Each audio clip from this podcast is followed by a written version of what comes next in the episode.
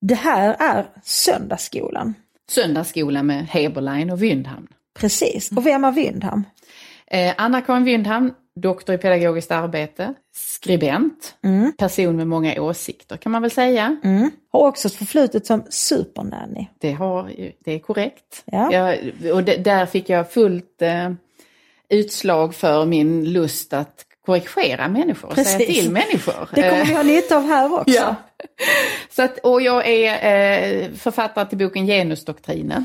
Den där, den, Den har man hört talas om. Ja, Ja. Där vi eh, eh, rackar ner på Nationella sekretariatet för genusforskning och talar om hur politiseringen av svenska universitet går till. Mm. Och vem är du, Ann Heberlein? Jag heter Ann Heberlein, jag är teologie doktor i etik. Och etik är, eh, som ni intelligenta människor förstår, en normativ vetenskap. Det vill säga etiken intresserar sig inte bara för vad människor gör utan vad de borde göra. Och det är väl det som vi kommer att ägna oss åt att prata om i söndagsskolan. Vi kommer nämligen berätta för människor hur ni bör göra. Eh, vi kommer att berätta när ni gör fel. Vi kommer att berömma er när ni gör rätt. Och vi kommer att kunna ge svar på de flesta frågor utifrån våra respektive positioner, insikter och kunskaper. Ingenting är för stort, ingenting är för smått. Vi Vi- känner inga gränser. Nej, och vi kommer också utvärdera oss själva genom de här samtalen. Absolut. att, naturligtvis kommer vi att rikta mest kraft på att kritisera Att andra. utvärdera andra. Ja, och utvärdera andra. Men det kommer stundtals också att handla om saker vi gjort som har varit mer lyckade och vissa som är mindre lyckade. Ja, man kan väl Eh. säga att detta är ett led i vår, eh, vår egen utveckling. Ja.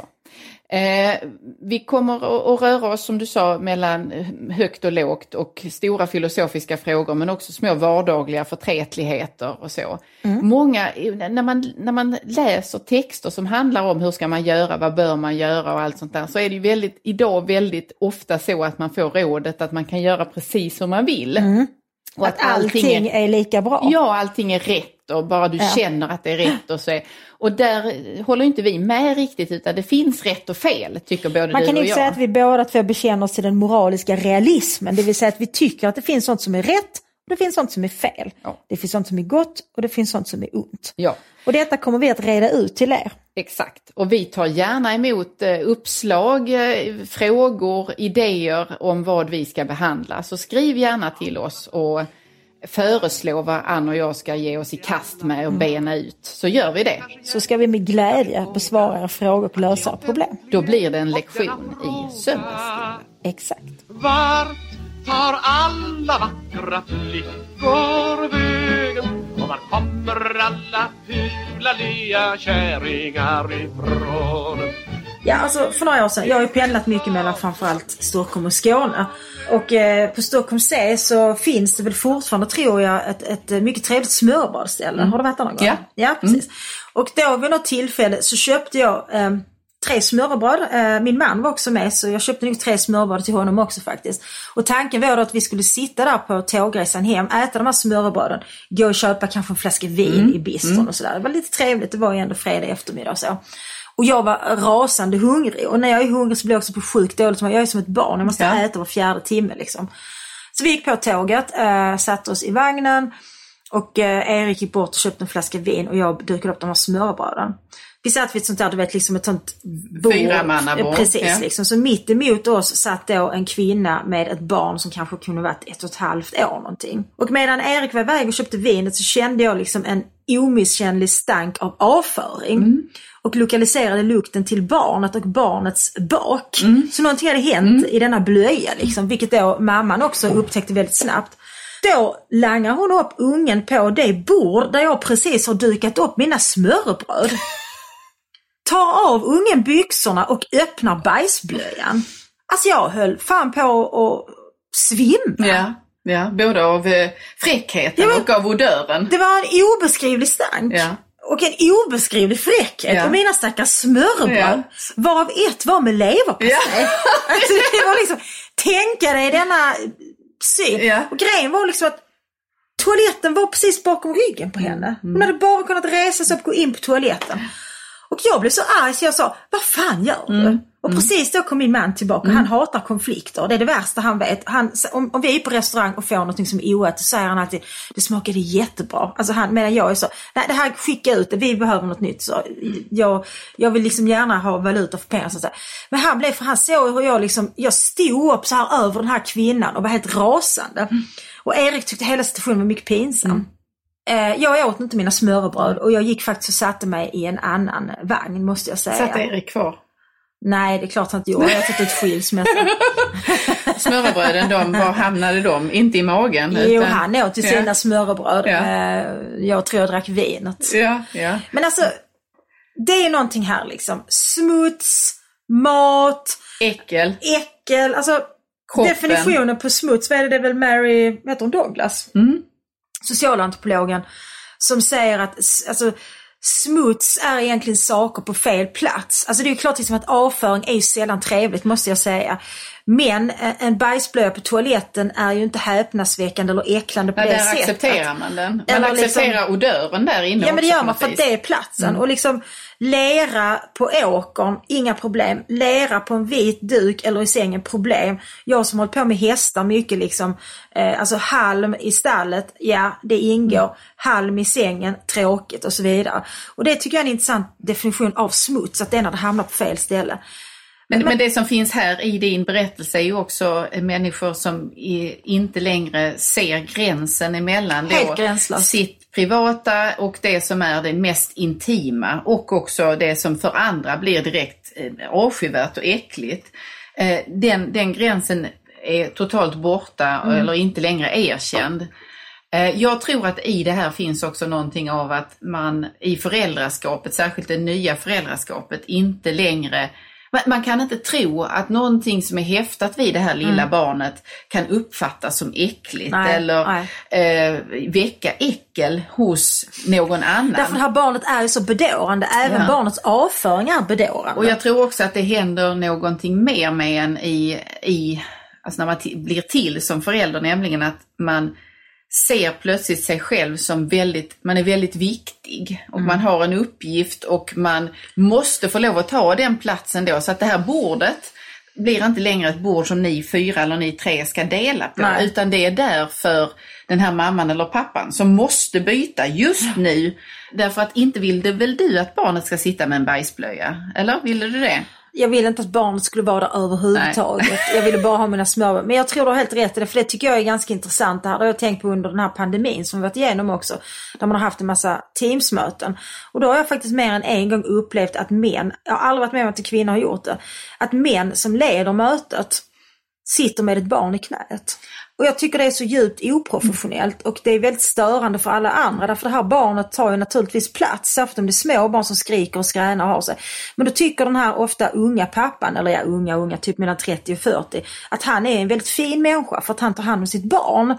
Och han vill på något vis ha beröm för detta. Eh, och det, det handlar väl om det du säger, att man tycker att man är så otroligt viktig och märkvärdig när man har blivit förälder, förstagångsförälder då. Och då ska alla andra bara acceptera att man sitter där med en unge i knät på ett ganska viktigt möte eller att man langar upp liksom en bajsblöja på bordet. Ja, nej men och det är, jag följde bland annat den här serien om EU-parlamentarikerna. i, Ja, just det. eh, där eh, bland annat, vad heter Jute, Juteland? Eh, Jytte Guteland ja, va? och Fredrik Federley numera inte längre Nej, det var, det var innan hans fall. Det var Ja, extra ja. pikant när man fick se honom hemma på gården och Ja. höra en röst där som man sen förstod vem det var. Ja, och exakt. så var det Sara Skyttedal också Ja. va? Det var de tre. Men i, i en av eh, scenerna där så gör eh, den socialdemokratiska EU-parlamentarikern en grej av att ha med sitt barn inne i eh, salen där de, de gör anförande och Mm. Ja, röstar och så. Eh, och det här är lite vid sidan om diskussionen om, om äckel och smuts, men det här är på temat, eh, för det faller inte under den rubriken. Nej. Det här faller mer under rubriken att man använder sitt barn som en slags eh, viktighetsskapande access- accessoar, alltså det vill säga ni måste eh, acceptera att det här barnet är med mig. Det är inte bara det ni ska, att ni ska acceptera det, utan ni ska också eh, tycka att jag är särskilt viktig och kompetent i att jag hanterar både det här barnet Ja, på mitt visst, knä just visst, nu visst. Och eh, trycka på knapparna i fråga om vad jag röstar eller vad jag ska Ja. säga på Zoom-mötet. Och jag skulle säga att det är en misskalkylering i hur det uppfattas. För jag har aldrig känt när jag har sett något sånt, jag har varit med om detsamma på fysiska ja. möten ja. också, att jag imponeras över att vederbörande klarar av att ha barnet i möteslokalen eh, och, och, samtidigt möjligen göra ett eller två inlägg därför att det är störande. Ja, det är mycket störande. Det måste jag säga. Och jag tycker det är, det är intressant liksom, för att jag upplever att det oftast är män som gör den här saken. Men nu har du ett exempel på en kvinna här. Men jag känner liksom så att det är säkert för att jag är liksom en sur klimakteriekvinna nu. Men jag känner liksom så här, alltså vet du vad? Jag har också haft små barn. Mm. Jag har fostrat tre barn, de har varit bebisar, de har varit eh, liksom småungar, de var trotsiga, de var tonåringar. Men jag har gjort det utan att blanda in dem i mitt yrkesliv. Och det tycker jag att du ska göra också. Därför jag tycker inte att du är särskilt kompetent eller att du är en särskilt fin människa bara för att du gör det som alla andra människor har gjort sedan tidens evighet. Nämligen ta hand om ditt barn. Mm. Om du har ett barn som är sjukt om du har ett barn vars dagis har stängt idag, eller förskola heter det nu, på grund av städning eller vad det nu är, lös det. Ja. Mm. Men förvänta dig inte att jag ska säga nej men du kan gå tidigare idag. Därför att det funkar inte så. Ja, eller så får man ju ta en, ut en föräldradag eller, ja. Eh, eller en semesterdag eller en vabbdag eller ja. vad det nu som kan fatta. Det finns ju lösningar på detta. Men det som är det gemensamma nämnaren mellan den inledande berättelsen om eh, tågkupén där och de, de vi har gett exempel på senare. Det är ju en gränsupplösning och en själv nästintill självfixering, det vill säga att man ja. bara ser sig själv och inte riktigt tar in omgivningen. Och jag tror att det där accelererar oerhört när man blir förälder. Ja, och det är väl ändå intressant om vi diskuterar liksom äckel och smuts och så vidare så kan jag också säga liksom att, och det handlar väl om det du säger att, att en del föräldrar, det finns en gränslöshet i umgänget mellan föräldrar och barn som jag kan tycka är lite äckligt också. När liksom så Nej, men, eh, när en förälder kanske väter sin, sitt finger med, med saliv för att torka av smuts från barnet eller stoppar nappen i sin egen mun. Eh, alltså liksom, och någonting som jag har, och nu, jag är säkert en del upprörd, men jag har väldigt svårt för folk som ammar jättelänge. Jag hoppas att du inte är en sån långammare. Nej, jag var en kortammare. Ja, jag ammade jag... tills jag blev smal igen och sen så la jag ner det. Alltså jag var en helt misslyckad ammare. Eh, jag klarade aldrig av att amma. Eh, mycket traumatiskt men det är för sent nu. Men, men liksom de här människorna som ammar ett barn som är fyra år. Som når upp till ja, tutten själv. När ungen liksom hoppar upp i knät och bara liksom drar fram tutten. Ja. Mm. Jag blir helt såhär, what? Nej jag har svårt för det också. Det, det här är ju då konstigt nog en kontroversiell åsikt att ha. Alltså det vill säga att man inte är en, en, en att man inte bara tycker, men gud vad, vad fint. Ja. Eh, så man får väl amma om man vill men jag, jag, jag känner lite som du att jag vill inte riktigt ha det i mitt face heller. Nej, sköt det eh. snyggt. Mm. Visa inte dina saggiga tuttar för mig. jag är inte lika intresserad som ditt barn. Nej, men i det ligger ju också en slags, alltså man blir viktig genom detta. Ja, och också precis. jag tror att det finns ett visst mått utav att man man tar lite en kula för barnet eller man tar ett visst, man, det är ju någon slags uppoffring i detta att mm. man är en, en, en matcentral längre än man egentligen behöver. Eh, så att eh, nu kanske väldigt många ammande kvinnor blir arga när jag säger detta men jag jag ser ju den här utdragna amningen mm. som ett sätt att man, man är då, så länge detta pågår, oumbärlig ja. i man gör konstellationen. Sig väldigt. Ja, precis. Ja, och man utestänger ju pappan i väldigt hög utsträckning. Men alltså det här är intressant för det vi pratar om nu handlar väldigt mycket om, om kroppar och kroppslighet. Och vi lever ju i en helt schizofren tid på det sättet. För samtidigt som både du och jag sitter och känner oss lite kontroversiella nu när vi säger att vi inte jublar över de här kvinnorna som frimodigt drar fram tuttarna mm. liksom vad som helst. Utan tycker att okej okay, amma om du vill men du kanske ändå kan dra dig undan lite och du kan göra som en del andra liksom lite, lite kvinnor i mer stil. De kanske lägger en filt, alltså ja. en, en, de har speciella kläder. Det hade jag när jag ammade, en speciell amnings-bh och en tröja och sådär. Så att man inte visar liksom eh, sina privatare delar för kreti och pleti liksom. Men där finns ju så liksom, nej men vi ska vara så naturliga och kroppen är inget att skämmas för. Och vi har ju slutat med blått mensblod i reklamen då ja. efter decennier av eh, blåblodig menstruation som har varit svår att förstå.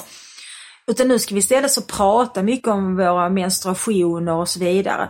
Samtidigt så upplever jag också att det finns parallellt med det här eh, kroppspositiva eh, och eh, utsöndringspositiva så finns det en väldig prydhet. Ja som jag tycker är intressant. Att jag upplever liksom att min dotter som är tonåring och hennes kompisar, de är, är pryda på ett sätt som inte jag var i den åldern.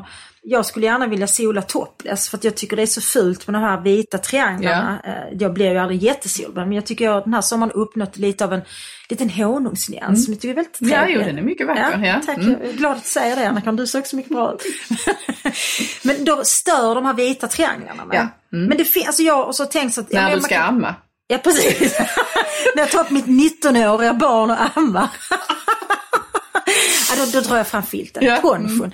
Men i alla fall, det finns inte en strand i Sverige där jag har sett någon sola. Nej, nej, det är sant. Och det, det, Det är helt, men herregud när jag var tonåring, det var väl ingen som hade bh? Mm. Nej. Framförallt om man nu hade eh, bikinitopp, då var det ju inte så att du skylde dig själv när du tog av den för att sätta på dig ditt linne. Nej, eller vad det precis, var. Utan precis. det där skedde tämligen öppet. Jag tillhör då de som gör det bytet fortfarande på det vis Ja. jag gjorde tidigare. Mina barn skäms oerhört mycket över tycker mig det är pinsamt, De tycker det är pinsamt, och jag, men jag vidhåller det därför att eh, jag tycker att det är viktigt att man ska inte i, på den platsen, detta är en, för det, här- det här Ja. handlar ju också om vilken arena är du på. Lika lite som bajsblöjan hade på ditt SJ Mitt bord, smörrebrödsbord. ja, att göra. Eh, lika mycket har ju, alltså där är ju, stranden är ju en arena Jo, där liksom, är. låt säga att du har ett seminarium för dina studenter, då kan inte du ställa dig där och ta av dig bh. Det hade varit jättekonstigt. Nej. Men när du är på stranden, du har en blöt bh och ska ta på dig en torr för att du ska ta klänningen på. Då är det helt på sin plats. Och så gör faktiskt jag också. Och mina barns reaktion har varit precis som dina. De tycker det är oerhört genant och pinsamt. Och jag förstår att hålla handdukar runt mina barn när de ska byta om. Och jag, är, jag, jag säger varje gång faktiskt, och det skulle jag önska att fler gjorde, jag tycker det här är löjligt att du inte bara kan böja dig ner och ta av badbyxan Ja. och sätta på dig eh, shortsen eller kalsongerna istället. Men jag fattar inte var det kommer ifrån. För faktum är att mina barn har varit, eh, och särskilt då min yngsta som är 19, eh, mina äldsta är ju i 30-årsåldern. Att hon har också den prydheten och det är ju inte jag som har skapat det.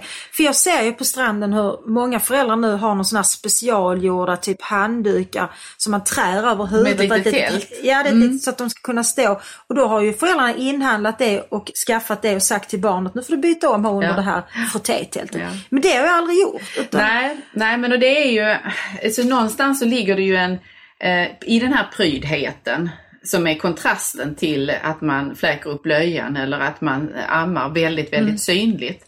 Så ligger det ju också en, den typen utav fotografier på barn som var vanliga, inte, alltså det bör bara gå tillbaka tre, fyra decennier.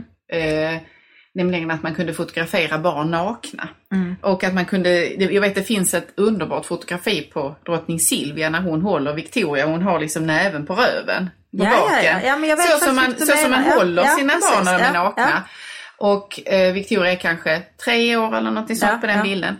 Det är fullkomligt otänkbart att föreställa sig Ja. samma fotografi med då eh, prins Oscar eh, Ja, när att han är tre Victoria år. själv Ja. nu skulle stå Ja, med, med- med, med ett barn. naket Mm. barn, så det skulle aldrig funka. Och där tror jag att den alltså, allmänna eh, någon slags pedofiliskräck Ja. eller sexualiseringsskräck kring barnkroppen har gjort Mm. att vi inte längre ens, vi, vi har liksom fråntagit barnen rätten att få lov att vara i full nakenhet när de ännu är barn och att då inte kännas vid sin kropp på något sätt. De är Nej. istället väldigt medvetna om kroppen och vad de privata delarna, som att man till och med Ja. använder det begreppet då va. Som är någonting som man inte liksom- ska visa. Och jag tänker liksom, jag är född 1970, på 70-talet var det väldigt eh, eh, trendigt att ha en bastu hemma. Ja. Ja. Och de här bastuannonserna, det var ju ofta liksom en hel familj som satt nakna. Där man såg liksom eh, pappans organ så att säga och eh, mammans bröst och så två nakna barn. För det var ju liksom klassiska då, mamma, pappa, två barn. Sådana annonser är också helt otänkbara idag. Ja. Och jag minns liksom en klasskamrat eh, till mig som jag hade då, att läraren hade då sagt i något utvecklingssamtal att det vore bra om familjen var nakna tillsammans med för att det här, min klasskamrat var då så inbunden. Alltså kan du tänka dig en lärare säga det Nej, på ett utvecklingssamtal idag? Ja, jag tycker att ni borde vara lite mer nakna tillsammans där hemma. Så det Men- fanns ju en annan inställning till nakenhet som idag har, har gått för, jag menar jag är ingen stor fan av att gå omkring naken i onödan. Jag har lite svårt för sån här liksom men det finns ju någon slags demonstrativ nakenhet också, typ på nudistbad där folk ska Jo, stå och grilla korv Ja. naken och då kan jag inte se funktionen med. Men, men jag tror samtidigt att den frimodigheten i att inte gå omkring och känna sig eh, som ett sexobjekt Ja. bara för att man är naken. Det är en rätt så skön känsla att slippa vara medveten om det och särskilt som barn Ja, naturligtvis. precis. Nu snarkar han när det inte kluckar Nej, men jag tror faktiskt att man kan knyta ihop de här, du, du börjar ju säga med, med menstruationsreklam, eller Ja. rest, eh, reklam för mensskydd. Precis. Eh, där har vi inte längre blått eh, blod och så vidare utan det där är liksom, det ska vara tydligt vad det handlar Ja. om och så. Samtidigt som vi har trenden att man ska eh, väga in eh, menstruationscykelns olika eh, härliga faser i form av PMS och liknande på arbetsplatser och liknande där vi Åh, hade ett, herregud, ett, ja. eh, ett exempel från Perfect Day, tror jag, Ja, de här. Widell-systrarna som det. gjorde, alltså de var, uppfattade jag det, stolta över att man hade en medvetenhet som man sa då kring detta med menscykelns olika faser. Ja, eh, hur det kunde innebära, vad det kunde ha för inverkan på din, i vad mån du är, är mogen och vid dina sinnesfulla bruk att ta viktiga beslut eller företräda företaget och sånt där. Så att man hade någon slags schema kring detta på arbetsplatsen. Där alla anställda då angav var i menscykeln. Ja, så att alla det- visste det är möjligt att det var okej, frivilligt, eh, men- nu, ska, nu ska Amanda här eh, ha ägglossning. Ja, då, är det inte, då ska du inte ha någon stor presentation den dagen då. Eller, Är det så? Jag trodde att man var på topp. Ja, men, ja, eller eller Ja. kanske du ska inte kanske ha en stor presentation för väldigt många män. Du ska, du så ska att du ägna dig åt. Men, men det, det, jag tror så här att det ser ut som att det är en liberalisering. Att man Ja. är mer öppen kring Precis, detta. vi är så härliga och naturliga och pratar om detta. men egentligen är det en sida av samma mynt med det där med att man är räddhågsen kring sin kropp och sin nakenhet. Därför att det är en biologisering av kroppen. Vi reduceras till de här reproduktiva organen. Precis, till och, våra hormoner. Ja. Eh, och för mig är det ju lite också, jag får ju såna här vibbar från hur man, alltså när kvinnor begärde tillträde till eh, att kunna arbeta, röra sig utanför Mm. hemmet, studera vid högskola och liknande, att man hade föreställningar om menstruationscykelns kraftiga, eller man visste kanske inte så vansinnigt mycket om den då, men menstruationens inverkan på de intellektuella Ja, kapaciteterna. ja, precis. Alltså livmodern, här hy- hysteri kommer ju av, eh, av begreppet hysteria för livmoder. Att Så man trodde att den vandrade och höll på och så snurrade runt så att man, min man, nu tyvärr det är synd att detta inte är tv för min man var så! när han tycker att jag går liksom over the top. Mm. Då viftar han med armarna som små vingar så "Woo! nu snurrar livmodern. och då blir jag mycket arg. Ja, ja. Särskilt om jag har PMS. Ja, just det. Ja, precis. Nej men det finns ju en mystifiering i detta också då som, som eh, inte på något sätt är sund. Ska jag påstå där vi just reduceras till, till liksom rov för, för vår biologi och för vår kropp. Och det är kanske skönt att luta sig bakåt i det. Så att nej jag är ledsen men, men jag är nu i den fasen så jag kan inte tänka. Jo, men ingen kvinna kan väl egentligen tycka... Vet du jag tror? Jag tror du skulle säga ingen kvinna kan väl inte tänka. Tror du skulle säga. ja, nej, där, där, där, där går gränsen för min konservatism, så att säga, i den mån det finns något sånt i mig. Men, nej, men ingen eh, kvinna kan väl tycka att det finns något, något att vinna ur att plötsligt bli ombedd att deklarera menscykel eller liknande. Därför att nu har vi ju vunnit eh, viktiga segrar i att ha lika tillträde till arbetsmarknad Precis, precis. Eh, och bli betraktade, helst bli vägda på våra meriter och våra kompetenser och inte på basis av vårt kön. Och att då liksom, trilla tillbaka in i att göra mens och allt det kroppsliga som, som dikterande Ja. för vår kapacitet ser jag som en enorm, alltså det är en sån tillbakagång. Ja, det håller jag helt med om. Jag tycker det är intressant för att det här liksom Alltså, alltså den här naturlighetsvurmen och tanken på att vi ska bejaka våra kroppar så den går ju som sagt hand i hand med det här mer pryda. Eh, för jag tänker också på badhus där det nu har börjat komma upp sådana här anslag att man måste ta av sig underkläder. Alltså man får inte lov att bada med kalsonger under sina badbyxor. Och det tycker jag också är helt och då är jag frågat, jag har ju givetvis inte varit inne på herrarnas eh, avdelning någonsin i mitt liv, men jag har ju då frågat mina manliga bekanta om detta och då berättar de ju om att unga eh, män och pojkar idag, de tar inte av sig kalsongerna utan Nej. de tar på sig badbyxorna och då är det sådana stora Adidas style badbyxor ovanpå. De vill inte heller tvätta sitt kön inför andra och min man han hävdar att, att eh, och det är faktiskt andra män jag pratat med som säger så, samma sak, att unga män ställer sig aldrig i den här pissoarrännan. Ja, i rännan ska man väl inte ställa, du förstår vad jag menar. De nyttjar inte den. Nej, de nyttjar inte den. Så, för det är ju det som alltid har varit männens fördel. För ska man gå på toalett som kvinna om man är på en restaurang eller en färja eller en nattklubb eller vad man nu så är det ju en oändlig kö. För alla ska in och sätta sig i det lilla båset. Medan männen har haft en ränna, det går snabbt. Man tar fram grejen, man pissar, man pratar lite, man går. Och så finns det då ett bås för de som ska göra något annat som kräver kanske en sittning så att säga. Men, eh, men då hävdar min man och andra pratat med att, att de unga männen står i- och köar för att gå in på toaletten. Ah, Trots att de rädsla pissa. för att inte då visa sitt kön Ja, de att vill, de vill inte visa könet. Och en, en eh, manlig vän jag har som har en son som, vad kan han vara, han är nog 21-22. Han hade sagt det till sin son, liksom, men, men liksom, pissa nu då. Ja. Han bara, nej, jag, alltså, det är någonting som har hänt Ja, där och jag det tycker det är, jag tror att en, ehm, en förklaring tror jag faktiskt är att vi har haft en relativt stor invandring från muslimska länder. Mm.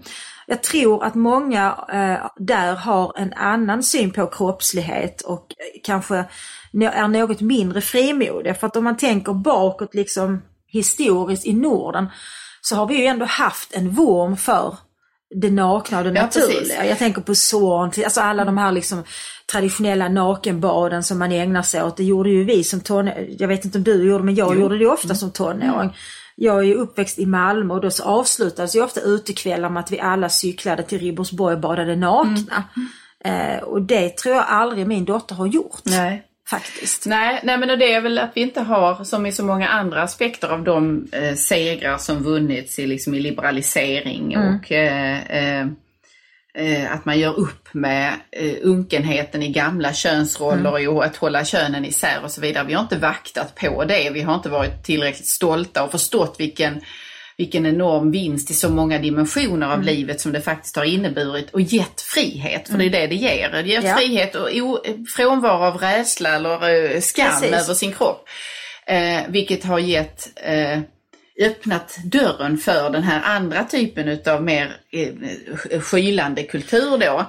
Eh, och där man kanske också, man, jag, jag tänker att lever man i en stadsdel eller i en ort eller ett sammanhang där de unga är med, med den här skylande kulturen då är eh, jämstora Mm. med de som så att säga har en nordisk eller svensk kultur Ja, ja. och eh, historia kring detta eller kanske till och med är dominanta.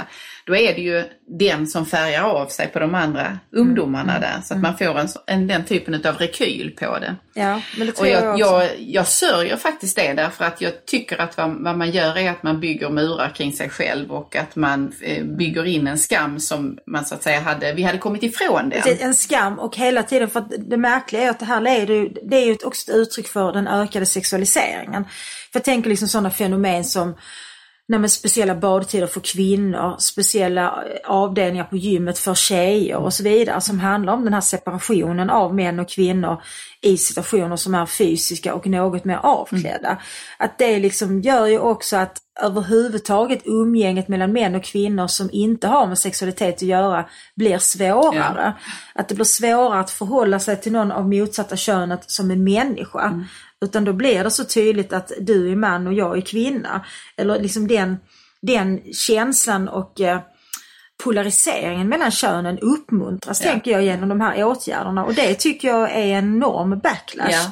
Att det, vi måste kunna, liksom män och kvinnor måste kunna umgås utan att det finns en erotisk underton i detta. Ja, och man kanske också måste vara, inte vara fullt så rigid i att inte kunna tillåta skämt eller roliga kommentarer och så vidare. Att man behöver inte se sexualisering i precis allting och uppfatta allting som en kränkning heller. Jag kan dra ett exempel från när jag själv var 12 möjligen om jag hade fyllt 13 och så hade jag fått ett par väldigt små shorts sådana som var populära då. Ja. Eh, och eh, hade någon tight topp till och jag var med min familj i Köpenhamn och gick på Ströget och då var, gick vi förbi ett, ett hål i gatan. De hade, där, i vilket eh, vägarbetare arbetade. Ja, de stod Så i de hade, och de hade upp. väldigt eh, god utsikt upp eh, i mina högt skurna Du kom gående i dina små Ja, varpå då i dansk frimodighet den ena utbrister. Och nu ska vi se på baller!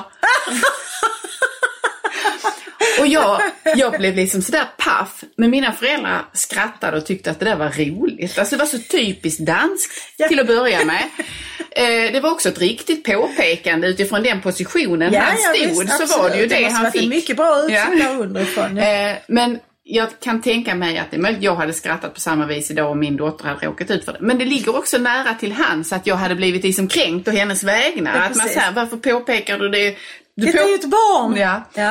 Eh, så vi har ju tappat inte bara vår eh, frimodighet i form av nakenhet utan kanske också vårt sinne för humor. Ja men det har vi absolut. För våra icke-skånska lyssnare så kanske vi måste förklara att vad baller är för någonting. Därför att det förvånade mig så när jag började umgås med folk från Stockholm. När de sa balle så menade de något helt annat Ja. än jag. Därför när, när vi säger ballar och när danskar säger ballar så menar vi helt enkelt rumpan. De två Ja. Mm. skinkorna. Vi har två ballar. Medan när en stockholmare säger balle så menar han eh, mannens könsorgan. Ja, precis. Och det är ju fel. Men de kan ju inte hjälpa att de Nej, har blivit nej. lärda fel. Ja precis, men nu berättar vi detta. Så kom ihåg det. Ja. det, det, det balle är bak, inte fram Nej. och finns på båda könen. Har blivit en madam med skunk bak och fram Men jag tänker jag vill hoppa lite tillbaka till äcklet. Och Ja. eh, om vi talade om exkrementer tidigare så om vi kopplar det till mat istället. Ja. Där jag har en känsla av att barns sätt att få uttrycka, alltså så här är det ju, barn har ofta en ganska begränsad smakrepertoar eller smakpreferens när de börjar ta sig Mm. Precis, an de börjar att, att acceptera Ja. ett antal smaker och sen så får de- man vägleda Ja. dem och vid, utvidga det. Och det mesta som de inte omedelbart känner igen och som är, är något annat än pannkakor, korv och pasta Mm. eller något liknande, mosad potatis och så. Det är konstigt och till och med äckligt Ja.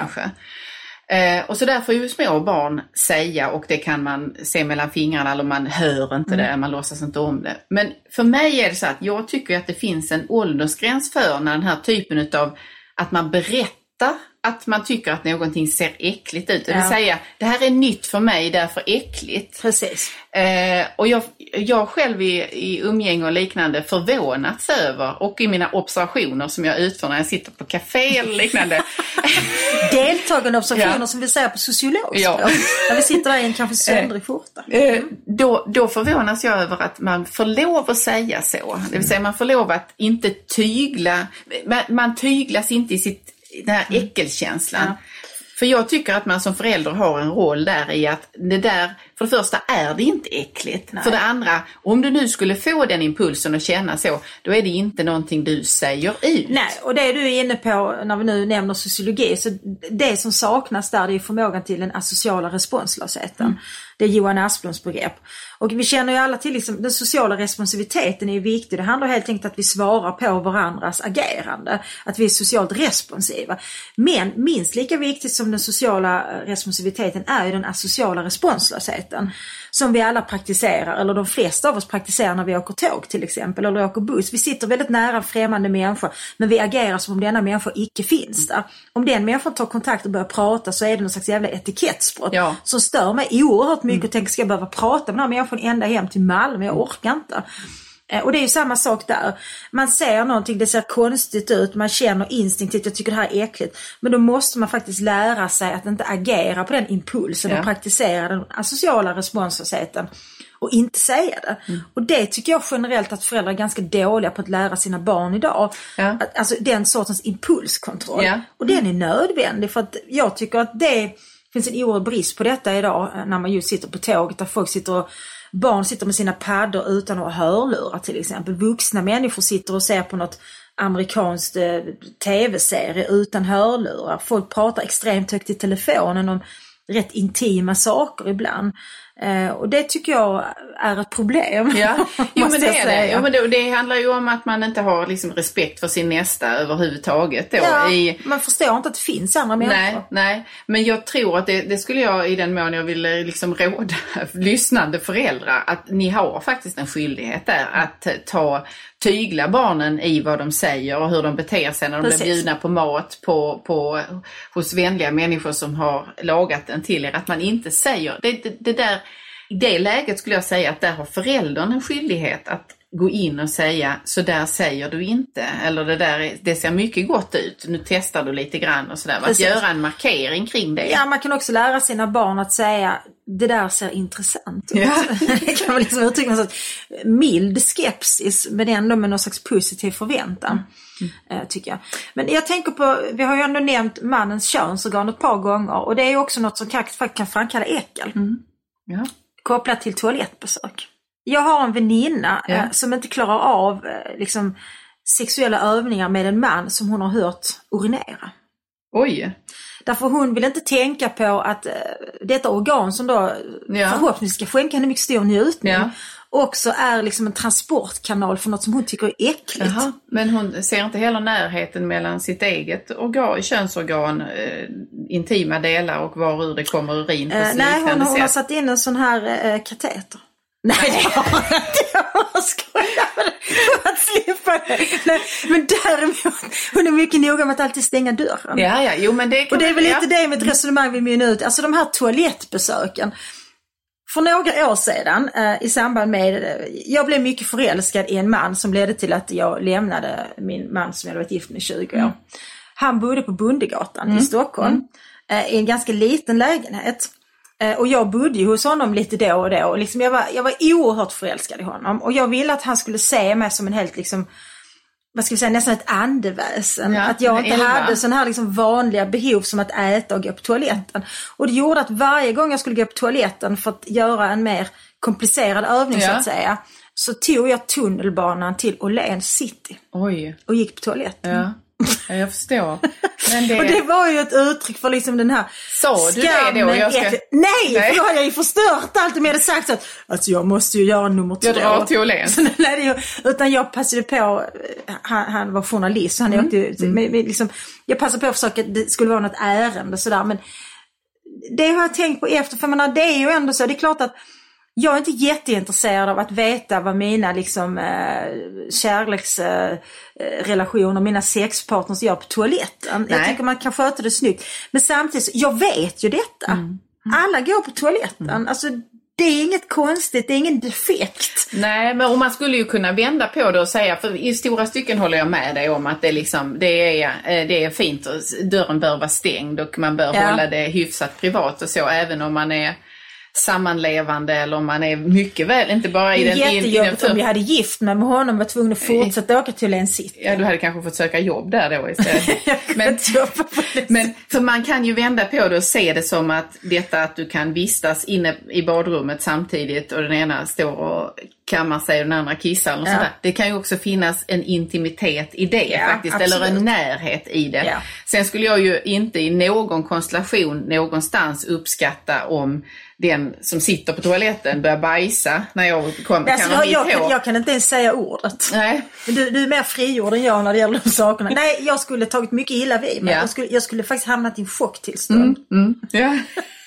Ja, men det, är liksom, det är bara för mycket. ja, jo precis. Det går inte. Nej, men och det, nu är kunga, blir kungafamiljen lite tema här, men jag vill mena att de har, de, de gör en poäng av att liksom man har jag tror till och med att de har separata sovrum, men det kanske är för att kungen ska iväg på eh, träffa Alltså, kaffeflickor och sånt där. Kungen ser lite ut som han snarkar. Ja, så kan det vara. Ja, så, och det kan ju vara rätt störande. För det finns ju, där finns ju en, en, liksom en för- fortsättning på det här med att man vaktar sina in, sin, sin eh, precis. liksom toalettbestyr och liknande. Att man faktiskt också håller själva sovandet separat för varandra. Ja, det tycker jag är tragiskt. Jag tycker också säga. det. Ja, Men det. Det är väl därför jag vill spela det mot att det kan Ja, finnas en kan intimitet Ja, det i det. En förtrolighet i att man visar också detta att nu sitter jag här och kissar. ja. Jag älskar det så mycket så att jag låter dig se på när jag kissar. Det är ju sannolikt inte så många människor i världen som man skulle kunna tänka sig att ha lyssnande medan det liksom strilar. nej, nej. Det, det är en väldigt fin kärleksförklaring man kan säga till någon faktiskt. Ja. Men jag tycker det är en bra grej. Alltså hade jag haft tillräckligt mycket pengar och tillräckligt plats så hade jag gärna haft ett eget badrum. Ja. Eh, Med, med mycket bra ljudisolering. Som ingen annan fick beträda. Och jag, jag också fick ha alla mina grejer i. För nu, nu har jag som sagt en dotter som snor alla mina svindyra hudvårdsprodukter. Ja. Jag är mycket irriterad. Men sovandet det är ju också intimt som du säger och sovandet liksom och sovande kroppar är ju okontrollerade i någon mening. Det är klart att där kan ju också infinna sig situationer eh, som tangerar smuts och äckel i alla Ja, fall. ljud, ljud kan Ljud Mm. som undslipper Mm. olika eh, kroppsöppningar Ja, och så vidare. exakt. Men, men sovandet, det tycker jag för mig, jag tycker mycket, mycket om att sova med min man. Mm. Så smal Så att royal Man kan tänka så här då, jag kontrasterar det du beskrev nu med när jag sommarjobbade under många år ute på de skånska betfälten eller eh, eh, jag, jag kontrollerade sockerbetsodlingar då. Eh, Alltså det är så sjukt skånskt Anna-Karin. Ja, det blir inte skånska än så. Nej, men då, då, då körde vi ju runt i en bil. Inte hade vi någon liksom, portabel toalett med oss. Nej. Utan eh, behövde man kissa, då fick man sätta, hitta något, rap, inte rapsfält för det är för snärjigt att gå in i. Det fick vara vete. Råg var vid denna tiden oerhört bra för det var väldigt högt. Nu är råg mycket Mm. Ja, kortare. det har jag också Ja, noterat. så att det går inte riktigt att... Råg inte kunde gömma man, sig nej, man kunde ju verkligen gömma sig i det då. Ja. Det var liksom, vi, det var ju jämnåriga jag arbetade med och det, var, li- det var bara någonting man gjorde, man accepterade det från dag ett att jag kommer nu ta en bit papper här från den medhavda precis, toalettrullen och gå och sätta mig och kissa. Kontra om man sitter på en finare middagsbjudning Mm. och eh, det är det spelet som, som så att säga de etikettsregler som Mm. omgärdar detta.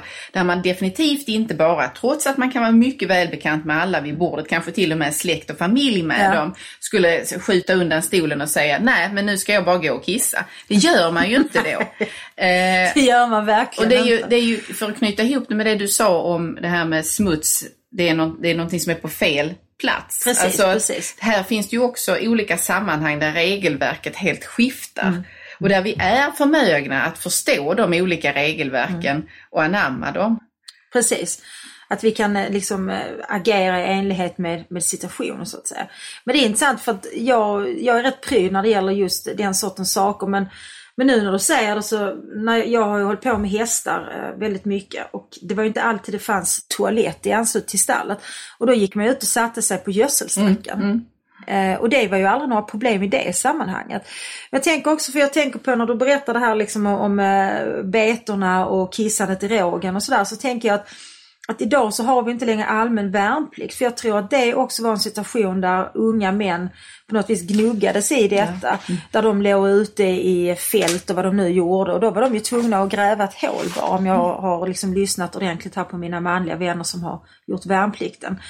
Att jag tror att, att det nog var en, ehm, en god skola i detta på olika sätt. Dels att faktiskt släppa den här prydet inför kroppen eh, och kroppens olika uttryck så att säga. Jag tror också att värnplikten var bra för att bryta ner sociala barriärer därför Ja. att man träffade folk från olika klasser. För jag tycker nämligen att att det här med förhållandet till kroppslighet och nakenhet tror jag också är klassbundet.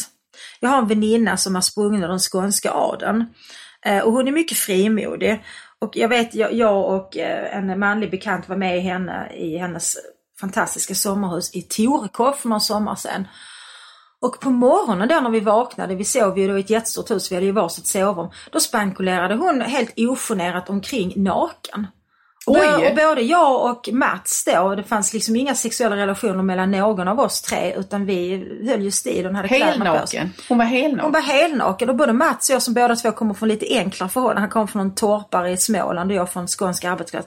Vi var helt chockade. Och sen har jag liksom lyft detta med min man som också kommer något finare situationer och säger liksom att Nej men alltså hon betraktar ju bara er som, som tjänstefolk, som någon slags möbler och man behöver inte klä på sig för att det står en möbel. Ja. Och det tycker jag är ganska intressant. Ja, det är det. Men jag har, det, det, det var en unik erfarenhet. Jag, jag har kan, ingenting som kan matcha det. Så det skulle ju kunna vara så att hon är helt enkelt lite udda. Eller? Nej men alltså jag har faktiskt upplevt det i andra eh, liknande sammanhang. Där människor har varit eh, väldigt eh, bekväma med att vara nakna. Men skulle man kunna tänka sig att det har att göra med att om man kommer ur en, en burgen klass, en burgen miljö, så lever man, eh, man har större hus, man har eh, utrymme, man kanske tar in gäster på ett annat vis än Ja. vad man gör om man bor i en trång lägenhet där, då är, där, där, där du inte är van att plötsligt till vid frukostbordet möta någon som bara är en, en tillfällig gäst så att säga. Förstår du vad jag menar? Att du, du är den här slutenheten som blir i den lilla familjen Precis, som är precis. given av att du har inte finansiella resurser för att bo på något annat vis. Nej. Den gör att det är väldigt ovanligt att någon annan släpps in där och är där vid morgonkaffet Mm, eller sådär. Jo men så kan det vara. Men jag tänker för att min man kommer ju också från något bättre förhållanden. Och han gillar ju också att gå omkring naken. Jag har ju förbjudit honom att göra det. Eh, han flyttade hem till mig när eh, min dotter var 11 år. Och jag tyckte inte det var lämpligt att min 11-åriga dotter skulle se en främmande man naken. Så jag tvingade honom att innan han lämnade sovrummet, han sover alltid naken, det gör inte jag. Jag måste liksom känna ett litet skydd mellan mig och världen på något vis. Att han måste ta på sig en morgonrock. Ja. Därför att det- jag tror att min dotter hade inte uppskattat att möta den här nakna mannen i hallen. Liksom. Nej men det är väl av, det, det tycker jag är rimligt och respekt för att det Ja. tar tid innan de Men han, blev... han, han såg inte riktigt, för att han har till sin nakenhet, precis som då min, eh, den här adliga väninnan, att den är helt avsexualiserad. Och jag tror att det är det det liksom handlar om hela tiden också. Och man kan ha den tryggheten liksom. Här går jag omkring naken utan att göra liksom en sak av den. Men när du nu är inne på nakenhet på det sättet, vad, vad tycker du om det här med nakna överkroppar i, i stan och eh, bara mansfötter och sånt Alltså jag där? tycker det är vidrigt. Jag tycker det är vidrigt. Det har jag faktiskt sagt till mina, mina yngre medarbetare på mitt jobb, att jag vill inte se några kortärmade skjortor. Oh, du är så pass strikt. Inga kortärmade skjortor jag ens? vill inte se några shorts. Nej. Inte på jobb. Alltså, du, om du är ledig, fritidskläder och shorts, bra. Nu är du på jobb. Men vad tycker du om nakna fötter då i sandaler sommartid? Nej, jag tycker det är fruktansvärt. Nej, jag det, det, det är det, jag håller med dig. Jag, jag förstår inte varför man plötsligt tycker att det är okej att komma viftande med tår. Eh, Nej, det alltså är tår mycket, ska mycket hållas eh, vackra. dolda. Ja.